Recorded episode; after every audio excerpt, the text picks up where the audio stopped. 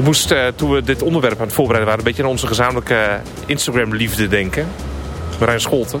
Oh, ik nu komt er een van een heel dubieus uh, gezamenlijke Instagram-hobby. Maar nee. Hobby, liefde. Toch, Marijn Scholten. En de, ja, ja, ja, precies. Zeker zijn filmpje over... Uh, uh, zo pittig. Ja. ja, het is ook pittig. Ja, Wasabi is ook pittig. Het wonen in de Amsterdamse gordel. Of binnen de A10, binnen de ring. Ja, schatje. Hoe is ie? Oh, lekker. Ah, nice. Ja, waar ik jou voor belde, heb jij de makelaar nog gesproken of niet? Ja, nou ja, dat is ook weer een verhaal. Hij zegt, uh, we moeten blind een bod gaan doen. Ja, dat zei ik ook. Vind ik vrij pittig. Uh, we, hebben niet eens een foto gezien of iets. Maar hij zegt gewoon dat hoe het nu gaat. Ja, nee, het is ook klein. Uh, 30 vierkante meter voor 6 ton. Ja, dat zei ik ook tegen hem. Van ja, wat doen we met de kinderen? Hij zegt ze kunnen het slim indelen. Mees die kan, dan gaan ze bij de bovenste keukenkastjes halen ze zeg maar een soort tussenschotje tussenuit. Dat noemen ze dan een mini-loft. Daar kan hij dan net wel net niet lang uit pitten. En Stijn die kan in de vaatwasser. Nee, op een kiertje. Nee, dat is niet ideaal, nee. Maar ja, uh, het is wel een briljante locatie. Uh. Nou, dat dacht ik ook. Dat we gewoon even helemaal out of the box uh, gaan denken. Dat we gewoon de kinderen wegdoen. Is ook pittig. Maar ja, ze hebben er ook niks aan dat ze met twee ouders zitten die met zo'n bek rondlopen. Dat ze niet binnen de ring kunnen wonen. Nou ja, in laten slapen. In Spanje kan dat. Jij wou sowieso weer een keer naar Barcelona toe. Gaan we lekker daar sushi eten, wat Stijn zo lekker vindt. Ja, dat is ook pittig. Nee, wasabi is ook pittig. Weet je wat? Ik kom gewoon naar huis, gaan we even een hapje eten en gaan we het dan over hebben. Oké. Dat is natuurlijk wel een punt van uh, hoe, uh, hoe, uh, hoe wonen wij allemaal in dit overvolle landje. Heb, je wel eens, heb ik jou wel eens heel trots een, een foto gestuurd van mijn wasrek? nou, niet alleen een foto. Ik heb erbij gestaan dat jij een taak las. super ingenieus. Ja, ik, ik heb dus vrij hoge plafonds thuis. 3,80 meter hoog. En toen, wij moesten tijdelijk even heen en weer verhuizen. En toen dachten we, wat was nou de grootste bottleneck die we eigenlijk in ons huis tegenkwamen? We, dat is toch dat irritante wasrek wat altijd overal moet oh, slingeren. Dat moest altijd aan mijn kant van het bed staan, waardoor ik dan zeg maar zo diagonaal over het bed in moest ja, klimmen. Waarom laat je dat gebeuren überhaupt? Ja, dat, is een, dat, dat moet ik een keer in een andere podcast okay. bespreken. die, die, uh... Maar uh, toen uh, zagen we op internet dat je net van die takelsystemen hebt. Dus wij hebben onze was gewoon op 3,80 meter hoog hangen. Ja, is... En je ziet het serieus als je binnenkomt. Ik moet mensen er altijd op wijzen. Dat doe ik dus ook met liefde, want ik vind het een heel tof systeem. Ja, want het viel mij ook niet op. Dus het is echt goed weggewerkt. Maar dat is, vind je dat wel een bevredigende manier van wonen? Ja, want het is echt optimaal. Uh, ik hou van wonen in de binnenstad, dus dat is echt heel fijn. En op deze manier heb je toch echt een soort ingepast in ons leven. En dus na het voorkomen wat Marijn Scholt heeft... dat hij zijn kinderen maar moest wegdoen... want hij anders op de verkeerde plek... Uh, ja, dat lijkt me een moeilijke keuze. Uh, maar goed, je moet misschien wel out of the box denken. Om het even hip te zeggen. Uh, dat, maar daar gaat, de, daar gaat deze aflevering over. Hè. We gaan met Hugo de Jong in gesprek. Minister voor Wonen en Ruimtelijke Ordening. En dat bleek ook wel in de voorbereiding van... we denken vaak in een wooncrisis, maar eigenlijk is het vraagstuk breder. Het gaat over ruimtelijke ordening. Ja, ik denk dat deze aflevering de neiging heeft om over alles te gaan... wat we hiervoor besproken hebben in alle afleveringen. Want het gaat over klimaat, het gaat over migratie... het gaat over nou, het woonvraagstuk... Het gaat over natuur en landbouw. Het gaat echt over alle grote thema's. Ja. Want het moet allemaal gebeuren ja, op die vierkante meters Nederland. Een klein stukje land, ja. Klein stukje aarde. Klein stukje aarde, ja.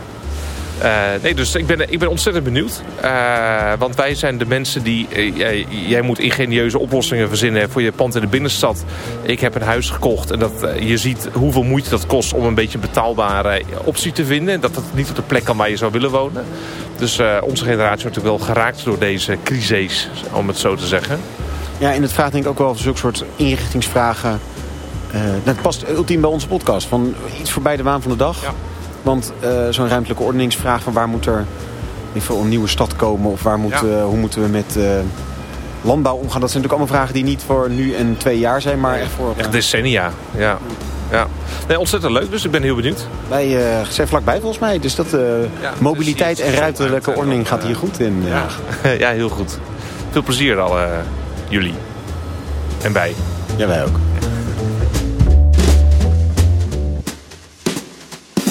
Dag Hugo.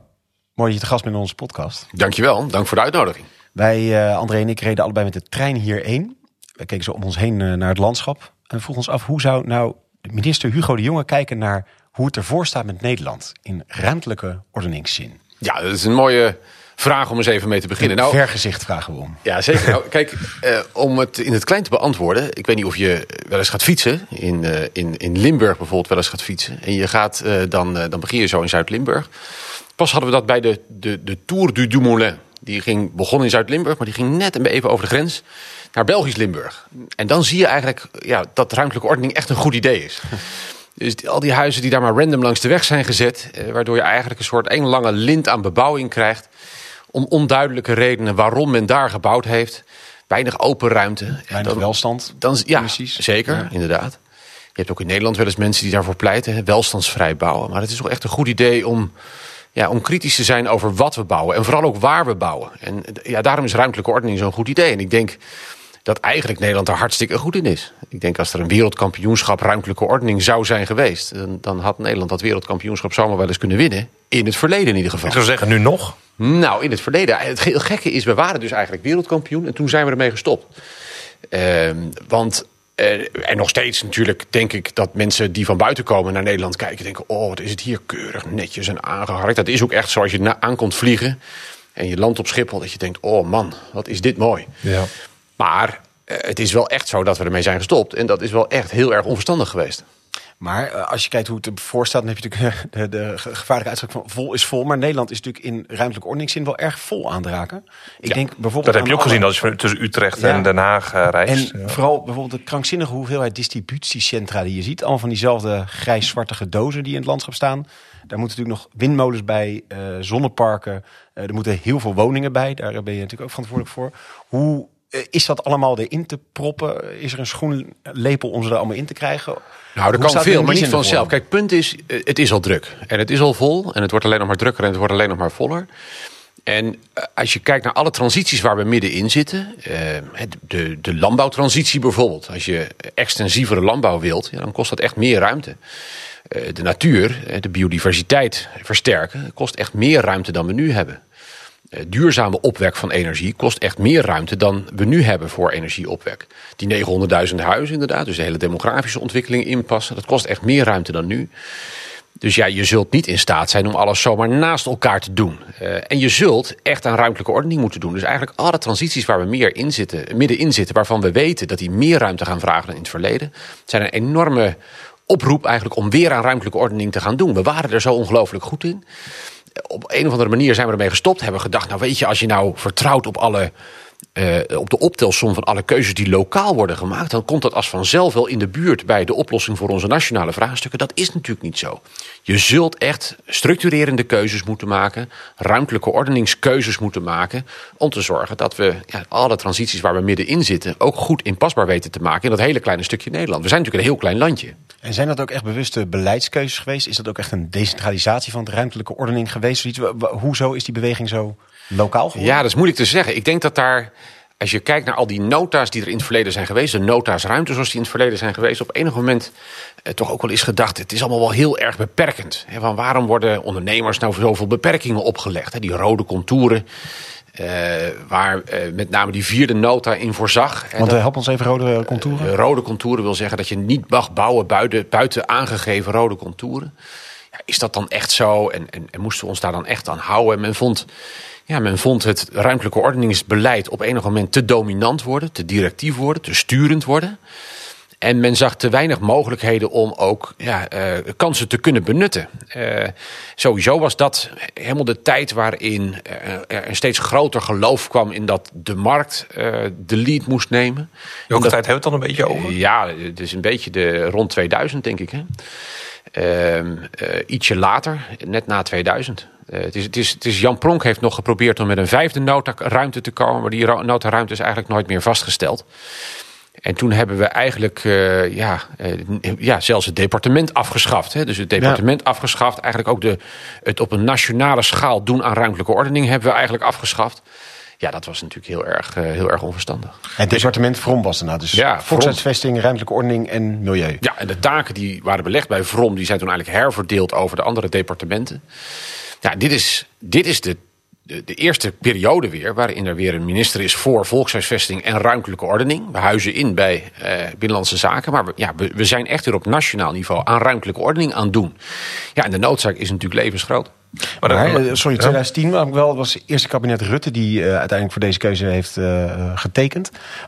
Daar was het CDA bij betrokken. Wat was er een, de gedachtegang in het CDA om inderdaad ook ruimtelijke ordening los te laten? Was dat blijkbaar zo'n trend dat iedereen dacht dat is een goed idee? Ja, het is een tijdgeest, denk ik. Het is sowieso... is, is, is het ministerie ja. Nee, het is een, is een, de tijdgeest was er al een tijdje. Hè. Dus, dus uh, de, ja, toch de aversie tegen een al te dominante en al te sturende nationale overheid in dat ruimtelijk domein. Een groter geloof in decentralisaties. Uh, dus een groter geloof in dat juist lokale overheden de ruimte moest geven. En een groter geloof dat je juist de markt de ruimte moet geven. Dat was het, dat was het discours van dat moment. Liber, ja, liberaal aangeblazen discours ook, denk ik. Sinds, uh, sinds eigenlijk de jaren negentig zou je kunnen zeggen. Ehm, en dit kwam uh, in combinatie met een enorme bezuinigingsopgave op dat moment. Ja. En dat is de reden dat men heeft gezegd... Zullen we, kunnen we eigenlijk niet met minder departementen toe... en kunnen we de taken van dat, dat ruimtelijke ordeningsdepartement... dat we toch al te dominant vonden... kunnen we die taken niet herverdelen over andere departementen. En ja, dat is echt een vergissing geweest. Dat is echt ongelooflijk onverstandig geweest. Maar goed, uh, dit is ook het moment om, om de regie op de ruimte juist weer te hernemen. Regie op de volkshuisvesting juist weer te hernemen. Je ziet bij de volkshuisvesting echt heel sterk dat het gebrek aan regie in de afgelopen jaren mensen gewoon heeft aangetast in hun bestaanszekerheid. Het woningtekort is zo gigantisch. Dus ja, ook daar hebben we echt weer de regie te nemen, hernemen. Dat betekent eigenlijk ook uh, in de ruimtelijke ordening. Kijk, als we dat niet doen, dan zijn de uitkomsten van al die ruimtelijke beslissingen zijn, uh, ja, zijn gewoon oneerlijk. Ja. He, dus dan, dan, geldt het recht van de sterkste eigenlijk in de ruimte, zou je kunnen zeggen. He, wie, het, wie het eerste erbij is. Wie, dat is vaak het kapitaal. Ja, en wie, en wie de beste lobby heeft bij de lokale overheid, ja, die weet dan voor elkaar te krijgen om een enorm stuk ruimte te mogen benutten voor een, een distributiecentrum waarvan je je echt afvraagt later, als die er helemaal staat, uh, is dat nou verstandig? Is dit, is, was dit nou de beste benutting van deze plek? Moest deze, dit distributiecentrum überhaupt uh, op deze plek staan, maar ook moest het überhaupt in Nederland komen te staan? Ja. Waarom maken we eigenlijk zoveel ruimte op in dit hele kleine landje aan dit type locaties? En waarom mag het er monofunctioneel staan? Dus waarom mag het er op zo'n manier staan dat we eigenlijk verder met die ruimte niks meer kunnen? Ja, dat zijn allemaal vragen die je eigenlijk vooraf moet willen beantwoorden. En als je ze niet vooraf beantwoordt, ja, dan gebeuren de dingen zoals ze gebeuren. En dat is eigenlijk heel erg zonde van de ruimte. Ja, je, maar je zou kunnen nog even terug naar die decentralisatie. De, de CDA jou had ook blij kunnen zijn. Zeg van, hé, hey, subsidiariteit, wat minder regie bij de overheid. De samenleving kan veel zelf oppakken. Ja, ik vind dus het echt een misverstand ook in CDA-kring. Dat subsidiariteit zou betekenen dat altijd het, het laagste niveau uh, de, de keuze zou moeten maken. Of het beleid zou moeten maken. Ik, ik denk uh, in dit geval moet het vooral het juiste niveau zijn. En uh, op heel veel vlakken moet je denk ik zeggen... dat het juiste niveau is niet het lokale niveau. Het juiste niveau is soms het provinciale niveau... maar soms ook gewoon echt de nationale overheid. Als je dat niet doet... Uh, ja, dan verrommelt het landschap toch echt. En dan laat je ook te veel over aan de toevalligheid van lokale keuzes. Uh, ruimtelijke ordening is bij uitstek ook, ook beleid dat op nationaal niveau moet worden geformuleerd. Ja, en ik denk ook wel dat een soort rare, vreemdsoortige uh, concurrentie die kan ontstaan tussen. Ik, elk plaatsje wil natuurlijk een eigen industrieterrein.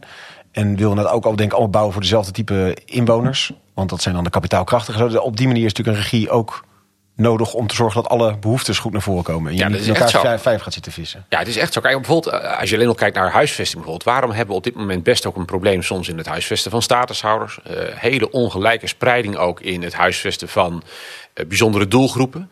Dat is omdat vaak de grote stad, daar staat vaak heel veel sociale woningbouw... en heel veel omliggende gemeenten eigenlijk vrijwel niet. En waarom is dat zo? Nou, omdat er eigenlijk helemaal geen programmatische sturing plaatsvindt... op uh, wat we bouwen, hoeveel we bouwen, voor wie we bouwen en waar dat, ja, dat is iets wat gebeurt als gevolg van, uh, van lokale uh, besluiten. En daarin werken dat type toevalligheden zeg maar, ook samen met, met, dat, met de keuzes die de markt graag maakt. En namelijk je, je liefst als je grondeigenaar bent, verkoop je die grond uh, voor woningen waar je de hoogste opbrengst van verwacht. Nou, en als dat samenvalt met een lokale beslissing waarbij je het liefst bouwt voor, uh, voor kapitaalkrachtige mensen die vervolgens ook in financiële zin bij kunnen dragen aan de begroting van de gemeente. Ja, dan gaan we de gemeente bijna als business case benaderen. Ja. Zeg maar. Dat is zo'n, ja, laat ik zeggen, kortzichtige manier van een samenleving vormgeven. Volkshuisvesting is bij uitstek de samenleving van de toekomst bouwen. En dus natuurlijk moet iedereen zijn fair share nemen als het gaat over sociale huisvesting. Natuurlijk moet je wijken bouwen die ook ja, een afspiegeling kunnen zijn van de samenleving. Waar die samenleving in het klein ook daadwerkelijk uh, vorm krijgt. Dat is de kunst van volkshuisvesting. En zo moeten we ook weer de regie gaan hernemen. Nou, en, en, en dat hebben we veel te lang niet gedaan. Dat gaan we dus nu weer wel doen. En dat, hetzelfde geldt eigenlijk ten aanzien van de ruimtelijke ordening. Ruimtelijke ordening, het waarom van ruimtelijke ordening is echt... het is een kwestie van eerlijk delen. Het is een kwestie van het garanderen van eerlijke uitkomsten van verdeelvraagstukken... en daarmee dus ook een veel politieker vraagstuk. Eigenlijk hebben ruimtelijke ordening in de afgelopen periode... ook een beetje weggestopt in de techniek. Hm. En ja. we moeten van ruimtelijke ordening echt weer politiek maken. Dus ja, politiek in de zin van, je vindt het een belangrijker dan het ander. En daar heb je met elkaar een politiek debat over en vervolgens een politiek besluit. hoe bedoel je dat? We hebben het weggestopt in de techniek? Nou, kijk, we hebben het weggestopt in hele ingewikkelde, vaak, vaak onbegrijpelijke RO-procedures. En wat Oh we ja, nodig precies, hebben, ja. is dat we er weer echt politiek van maken. Ja. Dus waarom hebben we eigenlijk over dat distributiecentrum waar jij het net over hebt... waarom hebben we er eigenlijk nooit een, een echt goed debat over gehad... of dat eigenlijk daar wel moest komen? Of dat, of dat drie gemeentes verderop eigenlijk niet een betere plek zou zijn geweest? Of dat het er überhaupt wel moest komen... omdat het eigenlijk maar een hele matige bijdrage levert aan de economie... vooral arbeidsmigranten aantrekt die vervolgens ook weer gehuisvest moeten worden bijvoorbeeld... En waarom kan dat eigenlijk niet net over de grens in Duitsland staan? Waarom moeten wij eigenlijk langs de A15 voorzien in zo ongelooflijk veel eh, distributiecentra? Kijk, ik wil niet te makkelijk doen. Hè. Zo- Zolang we als samenleving ook willen eh, dat we ja, dingen op online kunnen bestellen, ja, dan zal het ergens een keer moeten worden opgeslagen. Dus laten we er ook niet te makkelijk over doen. Het is niet zo dat we geen distributiecentra nodig hebben. Alleen waar ze komen en onder welke voorwaarden ze komen, ja, daar kunnen we wel heel veel beter over nadenken van tevoren en daar een veel politieker debat over hebben. Straks vind ik dat wel misschien wel een interessante vraag om te kijken naar van wa- waar moeten we inderdaad heen, die grote eh, kwestie. Misschien nog even concreter naar de uitdaging. Je noemt nu veel denk de demografie inderdaad van hè, meer huizen moeten erbij komen. eh, dat is de grootste uitdaging. Wat zijn andere uitdagingen waar we voor staan? Of, of... Nou, misschien ma- mag ik nog iets zeggen over die demografie. Want ehm, ik denk dat we demografie echt veel meer in het hart van het beleid moeten brengen. Demografie is zo allesbepalend, onze demografische ontwikkeling. Kijk, we, we hebben nu 17,8 miljoen inwoners. Ehm, ik weet niet precies wanneer deze podcast wordt uitgezonden. Maar het zou best eens kunnen zijn dat er dan al wat meer zijn. Eh, in ieder geval is het zo dat we volgend jaar eh, de 18 miljoen aantikken. En binnen 10 jaar daarna de 19 miljoen. Dus eh, eh, 2034 is dat.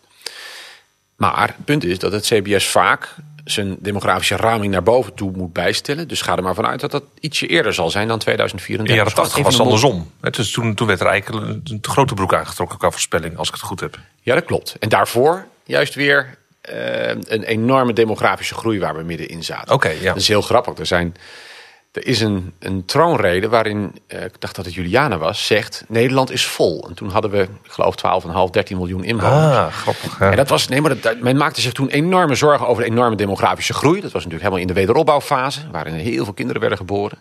Waar we een gigantisch huisvestingsprobleem hadden. En dat is een tijd geweest waarin inderdaad in, in een van de troonreden, ik dacht van Juliana, is gezegd: eh, Nederland is vol.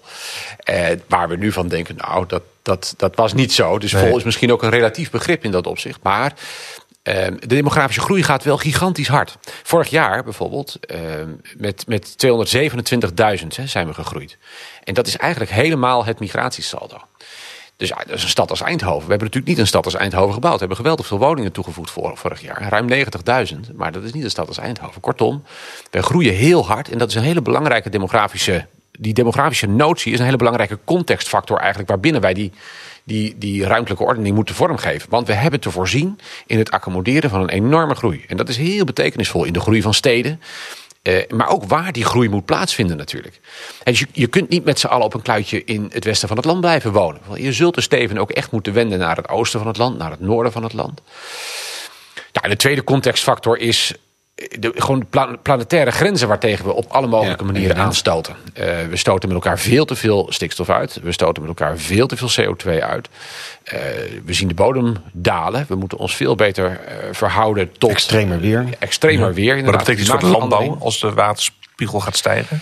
Nou ja, dat betekent op zijn minst eh, dat je op een aantal plekken moet zeggen... daar is de verzilting dusdanig, of daar, is de, daar zakt de bodem dusdanig...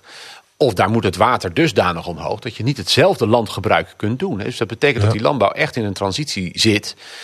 eh, of je nou wil of niet, echt in een transitie terechtkomt... al was het maar omdat de bodem zich gewoon op een andere manier eh, gaat verhouden... tot datgene wat er nu op wordt verbouwd. Of, of, of, of de dieren die er nu op grazen. Nou, verder dan stikstof. Ja, zeer zeker. ja. Ja, zeer Ja. zeker.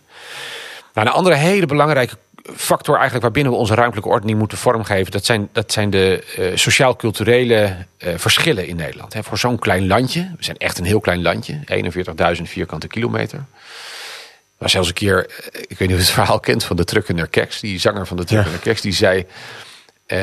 Ja, dus is eigenlijk in, in Nederland niet echt een goede roadsong. Maar dat komt ook omdat die hier niet te maken is. Want eer dat je aan het tweede couplet begonnen bent, ben je, zit je al in Duitsland. zo klein zijn wij Ja. natuurlijk. Dat is ook Ja. echt zo. We zijn, we zijn, ja, je kunt in, eh, ja, wat is het, in drie uur van noord naar zuid en in twee uur van oost naar west Ja. eh, rijden. En we zijn dus echt een heel erg klein landje. En binnen dat kleine landje zijn de sociaal-culturele verschillen natuurlijk eigenlijk heel erg groot. En, en dan bedoel ik niet zeg maar, logische en, en uitlegbare verschillen. Zoals tradities, gewoonten en zo. Dat is allemaal prima natuurlijk. Allemaal. Feyenoord, Ajax. Feyenoord Ajax, absoluut. Dat, moet, dat moeten ook verschillen zijn natuurlijk. Die zijn ook juist mooi. Nee, ik bedoel eigenlijk verschillen die helemaal niet zo mooi zijn. Helemaal niet goed uitlegbaar zijn. Bijvoorbeeld de mate eh, waarin we als Rijksoverheid ook bereid zijn geweest in zo'n gebied te investeren. Dat is één. Of, dat is natuurlijk een beetje wat we de podcast met Floor Milikowski eerder hebben opgenomen. Ja, seizoen uh, één. Ja, land, klein land met verre hoek of zoiets. Zo'n soort. Ja, ja. Ja. ja nee, ik ga me nu even niet verbeteren, maar je zit heel, heel dicht bij het verre. Dat, dat, dat inzet op winnaars. Nou, er werd ingezet op de Randstad op Eindhoven. Ja, dus sterker maken wat sterk is. Dat was helemaal de... De ruit van Alkemade. Ja, de Ruit van Alkmaar. De Ruit van Alkmaar is eigenlijk uh, zeg maar, Amsterdam en dan langs Utrecht en dan Arnhem-Nijmegen. En dan heb je Eindhoven en dan weer terug via Rotterdam. En dat is dan ongeveer uh, de ruit waarbinnen de meeste investeringen worden gedaan. Door zowel de overheid als ja. ook het bedrijfsleven. Uh, en je ziet dat echt ja, in, in economische kansen zie je dat vertaald. Maar het bizarre is, het is niet alleen de economische kansen. Het is ook, je ziet het ook vertaald in uh, mate waarin men uh, toegang heeft bijvoorbeeld tot het openbaar bestuur. Als je kijkt hoeveel bewindslieden uit de Randstad ja. komen. Als je oh, kijkt ja. hoeveel Kamerleden bijvoorbeeld uit Amsterdam komen. dan zie je dat er echt dus grote verschillen bestaan tussen, ja, tussen, tussen perspectief en, en perspectiefrijkheid eigenlijk van het westen van het land en, en, en, en het oosten, het noorden en het zuiden van het land te groot. Die verschillen zijn te groot. En die, die benadelen ons ook echt in de manier waarop we aan ruimtelijke ordening doen. Kijk, als je kijkt naar al die moeilijke keuzes die we zullen moeten maken. omwille van al die transities. En, en, er, en we hebben zo'n gap georganiseerd tussen, tussen de regio en Den Haag. Dat, dat ze in de regio denken ja, ze doen daar maar in Den Haag. Maar ze hebben eigenlijk geen idee wat er bij ons aan de keukentafel echt belangrijk is. En ze houden eigenlijk helemaal geen rekening met ons. Of nou waren ze of niet. Ja. Maar als dat de, het gevoel is, hoe kun je dan ooit in staat zijn mensen mee te nemen bij al die moeilijke beslissingen die we de komende tijd hebben moeten, uh, zullen moeten nemen? Ja, maar het is toch ook iets wel iets flauws van, joh, we hebben ze laten in de steek gelaten. Hè? We, ze, uh, ze hebben, we, we hebben ze in de steek gelaten. Um, en nu wordt het druk, nu wordt het vol, nu hebben we allerlei uitdagingen. Dan gaan we plotseling even kijken. Oh, we hadden nog allemaal van die grijze vlekken op de kaart waar we nooit aan dachten. Nu, ja, het is andersom. Even nee, het is andersom. Het is echt andersom. Kijk, wat je kunt zeggen als je kijkt naar de investeringen zoals we die hebben gedaan, bijvoorbeeld in infrastructuur, die zitten echt heel erg in het westen van het land. En eigenlijk iedere keer als er ergens een, een, centrale investering moet worden gedaan, ja, pakken we kennelijk de rekenmachine erbij. En dan gaan we een MKBA doen. Hè, dus een, een, maatschappelijke kosten- en batenanalyse. Dan ga je kijken wat de kosten zijn, wat de opbrengsten zijn. Dan ga je kijken naar, de, doelmatigheid.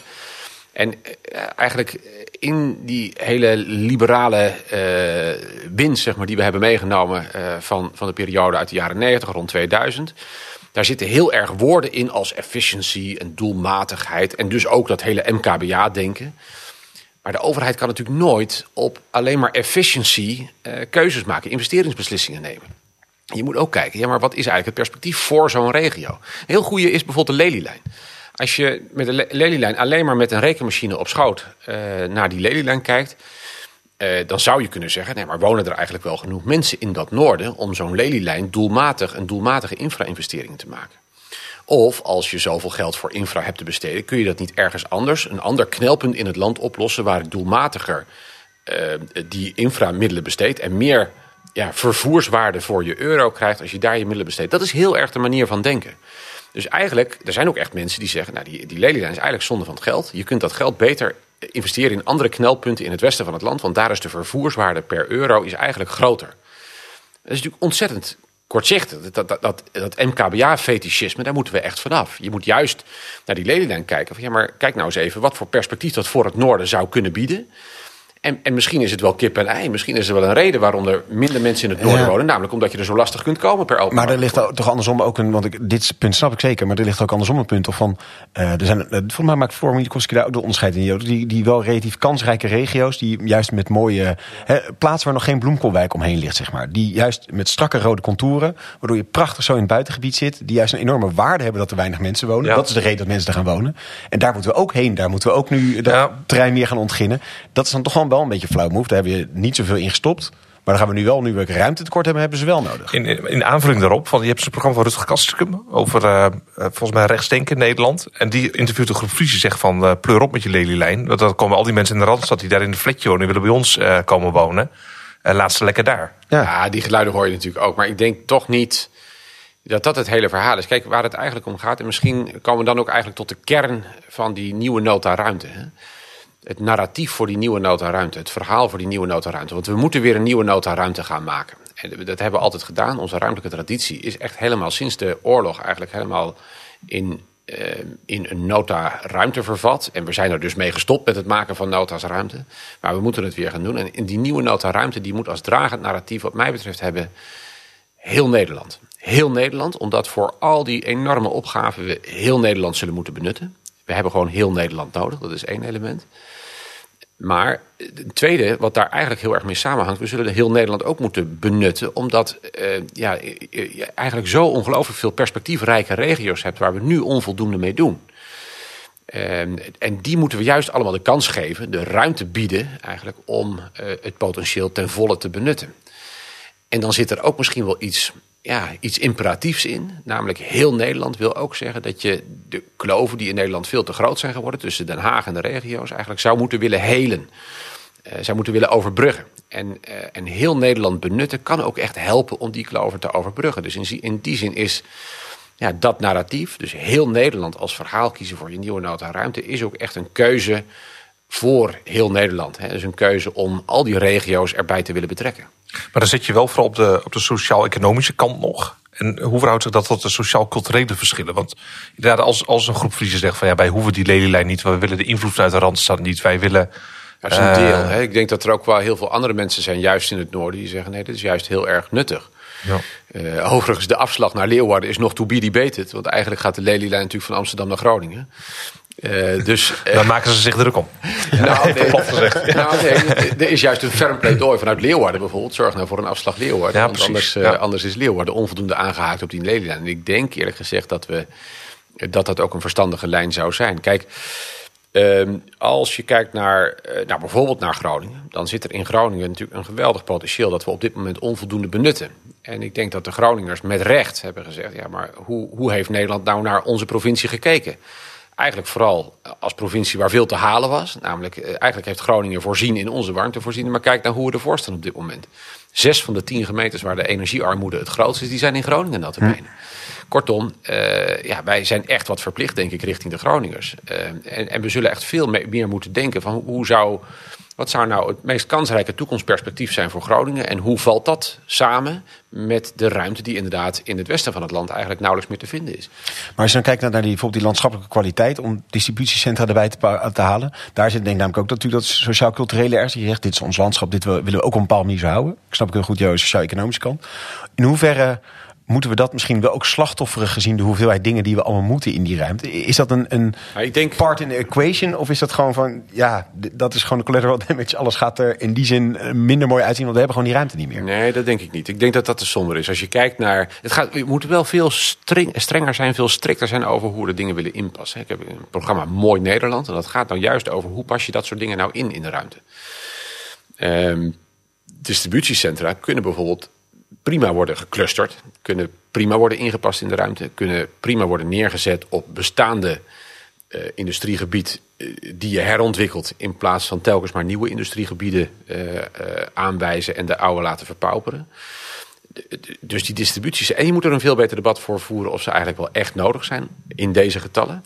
Dus die distributiecentra, daar kunnen we denk ik heel veel mee. Werklocaties van de toekomst, ik denk dat we daar heel veel mee kunnen. Ik denk juist dat het de kunst is in die nieuwe nota ruimte om die ruimteclaims zoals we hebben, en zo die ruimtebehoeften die we hebben, eigenlijk die voortkomen uit de verschillende transities die we hebben, een meer circulaire economie die meer ruimte vraagt, een duurzame energieopwek die meer ruimte vraagt, een duurzame landbouw die eigenlijk meer ruimte vraagt, eh, natuur, biodiversiteit die eigenlijk meer ruimte vraagt. Dat we al dat type transities, de ruimtebehoeften daarvan goed in beeld brengen en eigenlijk aan de voorkant die puzzel leggen. Dat zijn we nu aan het doen, samen met de provincies.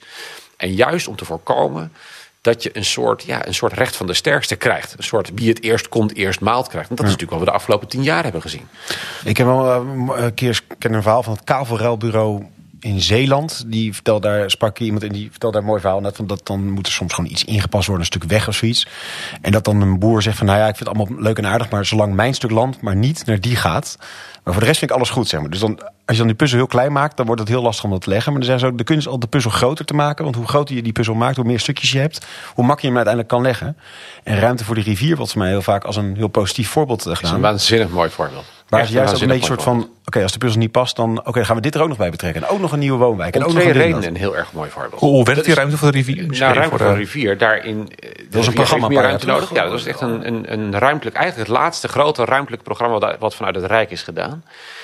En dat werkte eigenlijk op een hele mooie manier. En ik denk ook dat dat goed in overeenstemming is met dat belangrijke CDA-uitgangspunt van subsidiariteit.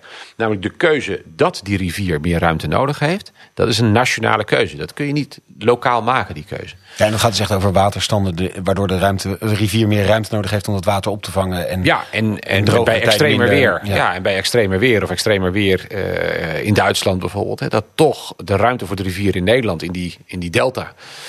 Eh, dat, dat die ruimte voor de rivier toch voldoende is om die enorme waterstanden op te vangen. Maar dat vergt natuurlijk meer ruimte. Dat vergt bijvoorbeeld minder ruimte voor buitenstedelijk bouwen. Dat, gelde, dat, dat, dat, be- dat betrof dus ook een, een, een andere keuze in hoe daar in, in de bedding van die rivier werd omgegaan met natuur en met landbouw. Eh, hoe je dat kon inpassen in het landschap. Nou, dat vergde allemaal hele ingewikkelde keuzes. En de nationaal structurerende keuze is geweest: er zij meer ruimte voor de rivier. Er is ook ontworpen hoe het wat, wat betreft het Rijk eigenlijk zou moeten worden ingepast. Maar vervolgens is de ruimte aan de regio geboden om met alternatieven te komen, om de daadwerkelijke inpassing te doen, om de daadwerkelijke puzzel te leggen. En eigenlijk is dat de manier waarop we het nu ook doen. Dus ik ben met mijn collega's bezig om die, ja, de ruimtevraag, de ruimteclaim te articuleren die voortkomt uit de ontwikkeling naar een meer circulaire economie, de ontwikkeling naar een duurzame landbouw, de ontwikkeling naar natuur, meer natuur die beter de, de biodiversiteit eh, ook de ruimte geeft. Eh, de volkshuisvesting breng ik natuurlijk zelf in beeld. En vervolgens leggen we samen met de provincies leggen we die puzzel. En, en voor een deel moeten die keuzes door die provincies dan ook echt weer in het gebied worden gemaakt. En dat is bijvoorbeeld wat in het Nationaal Programma Landelijk Gebied zit. Hè. Hoe gaan we onze stikstofopgave, onze wateropgave, onze ehm, eh, CO2-opgave eh, in het landelijk gebied ook daadwerkelijk vormgeven? Ja, dat doet die provincie dus samen met de boeren in dat gebied. En ik denk dat dat heel erg belangrijk is. Want anders krijgt ruimtelijke ordening. Natuurlijk, dat moet op nationaal niveau eh, moet daar de leiding in worden genomen. Maar ruimtelijke ordening kan niet op zo'n manier worden gedaan eh, over ons en zonder ons. hè. Je zult het wel juist altijd met de mensen die in dat gebied ook wonen uiteindelijk tot stand moeten brengen. Loop je op dit soort vraagstukken niet aan tegen de grenzen van maakbaarheid? Dus je het is wel heel optimistisch ingestoken. Eh, Zijn er niet te veel belemmerende factoren? Hebben we de werkelijkheid wel zo in de hand om dat zo nu op Nederland te leggen? Ja, maakbaarheid is in CDA-kring altijd een beetje een verdacht begrip. is verdacht, ja. Ja. ja. Maar ja, ik, ik, ik vind het altijd een beetje gek. Ehm, dat zeg ik omdat ik uit Rotterdam kom. En Aanpakken. Rotter- Ja, en in En. Rotterdam ja, dat- dat, ja, geloven we erin dat je, dat je iedere dag opnieuw kunt beginnen. En dat je die stad toch ook eh, met eigen handen kunt maken. Maar ik ben van geboorte ben ik Zeeuw. Nou ja, de helft van Zeeland had nooit bestaan als we niet in maakbaarheid hadden geloofd. En sowieso hebben de helft van ons land ja, eigenlijk with our bare hands gemaakt. Hè. Dus, dus Nederlanders bij uitstek zijn mensen, denk ik, die, eh, die laten zien dat het terecht is om te geloven in maakbaarheid. Zeker in de ruimtelijke ordening. We zeggen vaak als je boven komt aanvliegen op Schiphol. Oh, wat zie je daar mooi. Wat, de kracht van ruimtelijke ordening. Nou, het punt is, je had nooit op Schiphol kunnen landen... als we niet hadden geloofd in de maakbaarheid der dingen. Want dan had het gewoon nog kabbelend water geweest. Dus ik denk dat het terecht is om te geloven in maakbaarheid. Ik denk wel dat als je bijvoorbeeld kijkt naar eh, het fenomeen van water en bodem... Hè, dus dat je... eh, wij zijn natuurlijk altijd gewend geweest een strijd te voeren tegen het water. Land te herwinnen op water. Maar het punt is wel dat de verzilting wel een onomkeerbaar proces is... Die, je, ja, waar je maar beter ook een beetje mee mee kunt bewegen. Dat kun je maar beter niet ontkennen. Ja, ja, precies. Bodemdaling ja, moet je je misschien iets beter toe verhouden. Want anders gaat het ons ook gewoon niet lukken. Drinkwaterbeschikbaarheid, ja, daar moet je echt voor werken. Dat is geen gegeven. Eigenlijk zou je sowieso kunnen zeggen dat eh, van heel veel zekerheden van dit moment... Hè, of het nou gaat over voedsel, of dat het nou gaat over energie... of water uit de kraan... dat wij eigenlijk, zeker onze generatie denk ik... helemaal is opgegroeid met het idee dat dat gewoon zekerheden zijn voor de eeuwigheid. En dat het gekke is dat er juist heel veel dingen zullen moeten gaan veranderen... om die zekerheden naar de toekomst toe ook voldoende zeker te houden. Ja. Als het gaat over water bijvoorbeeld, maar, maar ook als het gaat over onze voedselvoorziening. Als je weet dat een deel van Nederland eigenlijk steeds minder bruikbaar wordt voor het huidige landgebruik, dus ook, ook het huidige landbouw, landgebruik, ja, dan weet je dus ook dat je deel van Nederland dus echt goed moet beschermen om de landbouw naar de toekomst toe ook echt een ruimte te geven, een perspectief te geven, om echt ja, de voedselzekerheid naar de toekomst toe te garanderen. Maar is dat niet ergens het, het ding waar, waar we al eerder even zeiden van de lange termijn perspectieven? André en ik zitten al lang in onze zoektocht van waar moet het heen met Nederland, zeg maar. En is er voldoende zicht op die lange termijn? Je hebt in dat opzicht een, een portefeuille die perfect daarbij aansluit. Want bedoel, dit zijn allemaal niet vraagstukken van morgen, maar van, van lange adem. Het lastige is ook wel hoe, hoe maken we deze keuze voor die lange termijn? Want het is niet een perspectief van uh, de komende 20 jaar, maar het is ook een perspectief van hoe ziet Nederland er over 100 jaar uit? Welke Ja. keuze we dan gemaakt hebben. Zitten er een soort uh, langetermijn trendvoorspellers bij jou op het ministerie? Of zitten die ergens? Wordt er ergens over deze lange termijn nagedacht? Van, Ja, hoe zeker. moet in de 2100 de, de, de mobiliteit in Nederland uitzien? Ja. Hoe moet in de 2100 de landbouw in Nederland uitzien? Ja. Dat, dat zijn allemaal dingen die je nu wil inzetten. En Absoluut je wil waar. gewoon een beetje eh, vanuit het het heden gaat, gaat, gaat optimaliseren. En vervolgens blijkt dat ja, een brakke toekomst op te leveren. Nee, maar ik ben het daar zeer mee eens. Dus eigenlijk, eh, dus een van de belangrijke redenen natuurlijk om weer echt aan ruimtelijke ordening te gaan doen, is juist dit. Je kunt Nederland niet de, de- naar de toekomst toe helpen door een beetje te blijven fine-tunen. Dus als je, nou, neem het vraagstuk van voedselzekerheid. Die landbouwgrond reserveren die je gewoon echt nodig hebt naar de toekomst om te voorzien in voedselzekerheid. Zodat we niet afhankelijk worden van het buitenland voor ons eigen voedsel. Ongelooflijk belangrijk. Maar daar moet je wel nu keuzes voor maken. Eh, energievoorziening net zo goed. Als we geen ruimte reserveren voor onze, eh, voor onze energievoorziening, ja, dan, dan hebben we straks onvoldoende ruimte voor duurzame energie. En je kunt moeilijk. Kijk, we zijn een heel klein landje, we worden ook echt niet groter.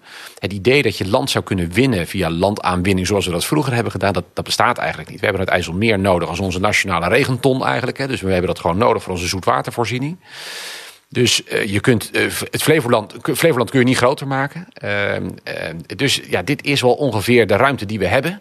En daar moeten we het op zien te klaren. Dus dat betekent heel veel doen aan functiecombinaties. En telkens bij alle keuzes die je maakt, ja, het begrip rentmeesterschap weer helemaal opnieuw doorleven. Dus je moet keuzes maken waarvan je ook zeker weet, daar zijn, ze, daar zijn volgende generaties ook gelukkig mee.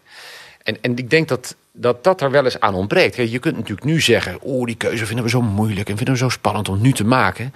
En toch moet je bij iedere ingewikkelde keuze je telkens afvragen, maar stel nou dat we hem niet nemen. Zou onze volgende generatie daar dan mee geholpen zijn? Of zijn ze dan eigenlijk, eh, hebben ze dan eigenlijk, brengen we ze dan eigenlijk geweldig in de knel? Je zou kunnen zeggen, in de jaren 80 had je de Club van Rome. Ja. Met hun urgente rapport. Toen, eh, 70 al? Ja. Toen, kreeg je de mensen, oude. de- toen kregen ze de mensen niet mee, zeg maar, in, dat, eh, in die urgentie. Nee. Waarom zou dat nu wel zo zijn? Nou, daar, daar speelt iets.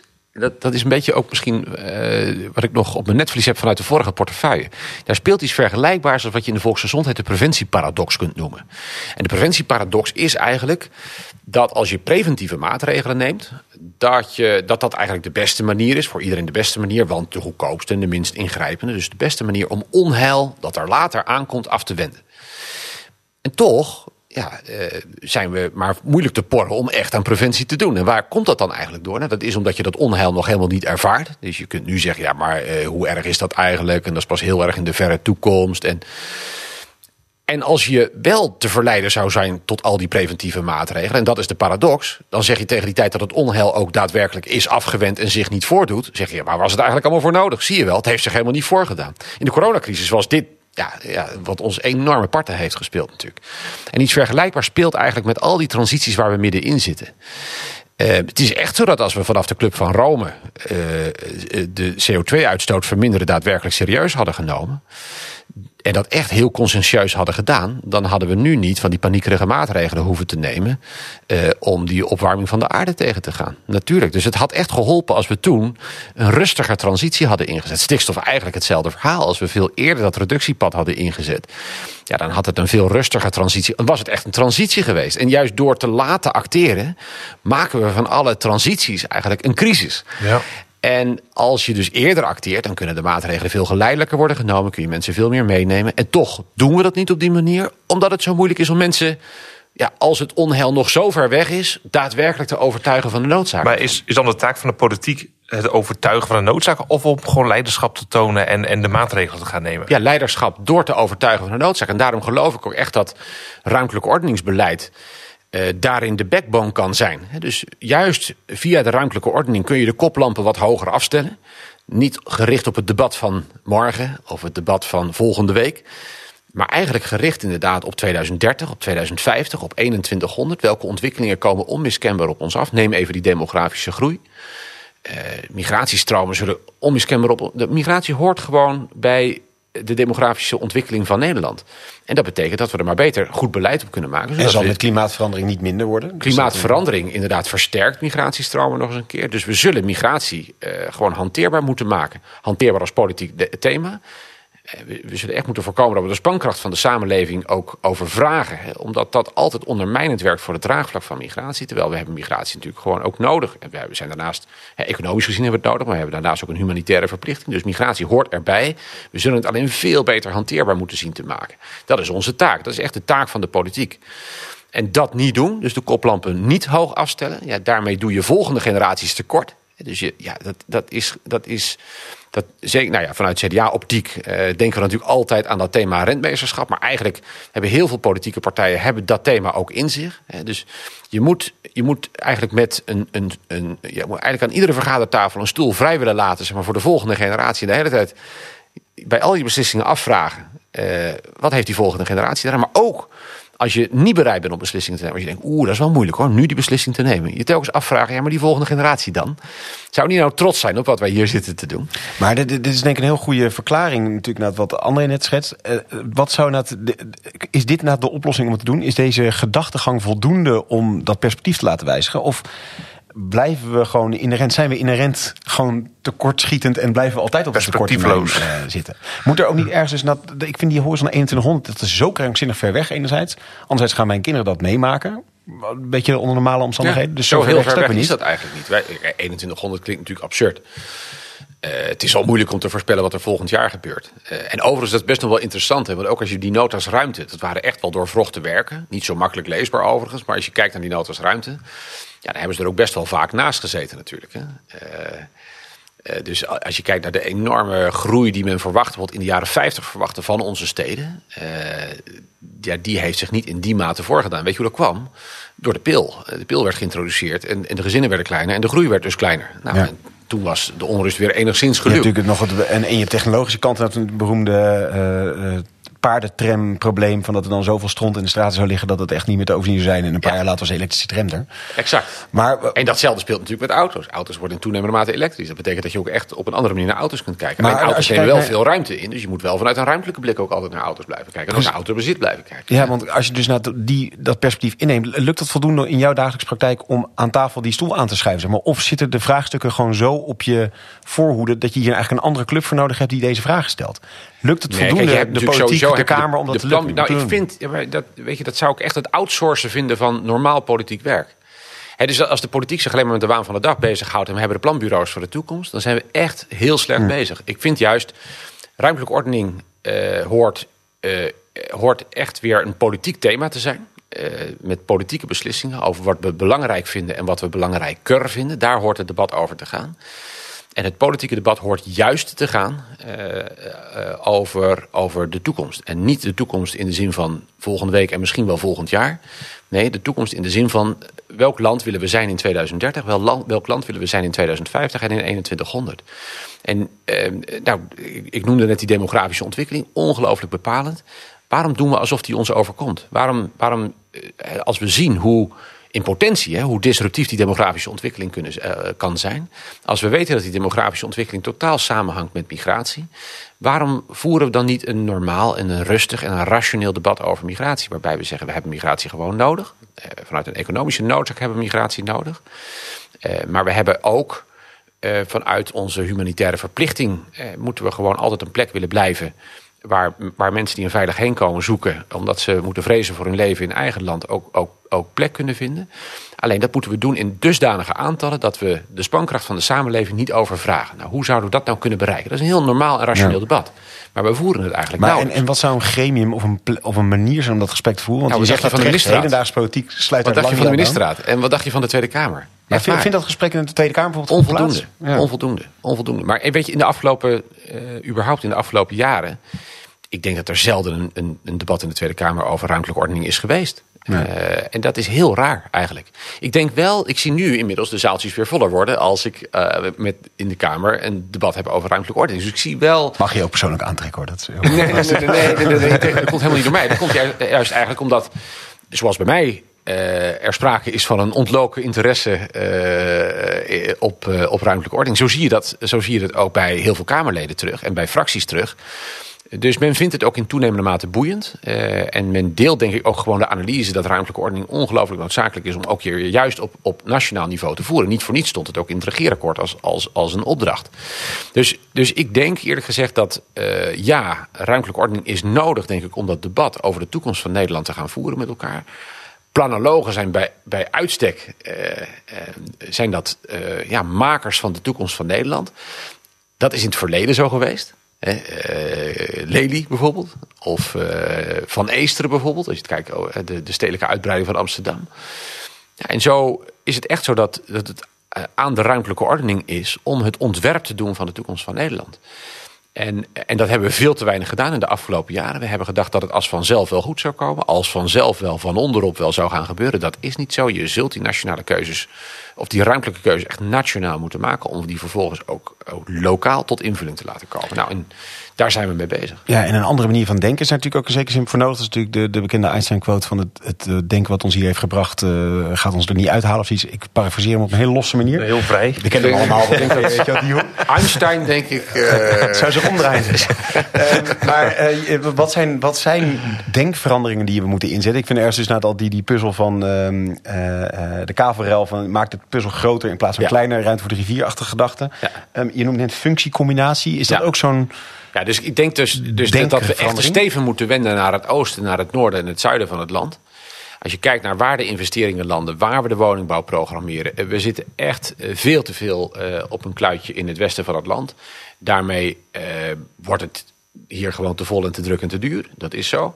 Maar daarmee benutten we ook onvoldoende regio's. Doen we eigenlijk regio's onrecht, omdat er veel meer perspectieven zou zijn. Als we onze steven ook veel meer die kant op wenden. En, en, en nou ja, waarom blijven we eigenlijk bouwen op hele ingewikkelde bodems... als er ook veel beter geschikte bodems zijn voor uh, woningbouw? Ja. Uh, dus, dus dat is één perspectiefverandering, denk ik echt. Dat we heel Nederland moeten benutten. Sterker nog, ik denk dat het de belangrijkste perspectiefverandering wordt... in de nieuwe nota ruimte. En wat is die functiecombinatie? Dat is die functiecombinatie is, nou ja, kijk, dat is de notie dat Nederland een heel klein landje is. Je rijdt van, van oost naar west in twee uur, van noord naar zuid in drie uur. 41.850 vierkante kilometer, meer wordt het niet. Dus we zullen het op dit kleine stukje aarde moeten zien te rooien. En als iedereen meer ruimte nodig heeft, dan zul je dus meer moeten combineren. Dat betekent bijvoorbeeld dat je, je hebt landbouw, die moet verduurzamen, je moet extensiveren. Je heeft daarvoor meer grond onder zijn uh, beesten nodig, uh, meer ruimte mm -hmm. nodig. Je hebt aan de andere kant heb je natuur die eigenlijk meer ruimte wil. Zou natuur inclusieve landbouw eigenlijk geen heel erg goed idee zijn? De Alpenweide is wel een goed voorbeeld. Dat, dat achten we als heel erg als natuur. Maar dat is ook landbouwgebied. Ja, dus agrarisch natuurbeheer is echt een belangrijke keuze. En dat is een voorbeeld van functiecombinatie. Ja. Um, als je als je toch bedrijventerreinen nodig hebt... en je hebt tegelijkertijd uh, opwek van duurzame energie nodig... waarom verplichten we dan ieder nieuw bedrijf niet gewoon... om altijd zijn hele dag vol te leggen met ja. zonnepanelen? Waarom verplichten we energie of nieuwe, nieuwe uh, bedrijventerreinen... niet tot hun eigen energieopwek, voor zover dat kan? Dus je, je kunt, denk ik, veel meer nog uh, via de lijn van normering... aan, aan wat, wat, welke eisen stellen we nou aan toekomstig ruimtegebruik... kun je denk ik nog veel meer aan functiecombinatie doen. Je ziet bijvoorbeeld de laatste tijd steeds meer... zie je heel veel zon op veld projecten. Ik weet niet of je dat wel eens ziet. Dan denk ik altijd, ja, we zijn hier de Sahara niet. Het is een rare manier om je ruimte te gebruiken. Ja. Uh, dus waarom, waarom doen we het eigenlijk op die manier? Als ik, als ik op een toren sta in Rotterdam... dan zie ik al die dagen, daken nog maagdelijk leeg. Dus waarom normeren we niet veel meer... Uh, dat, dat, dat we alle daken gebruiken voor, voor energieopwek. Nou, dat is functiecombinatie. Je kunt op een veel efficiëntere manier met de ruimte omgaan... als je denkt vanuit functiecombinatie. Uh, nog wel puzzelt is... Uh, um, er is een beetje een tendens in de politiek... dat het juist het korte belang wat centraal staat. En, en de onderbuik soms, wat negatief gezegd.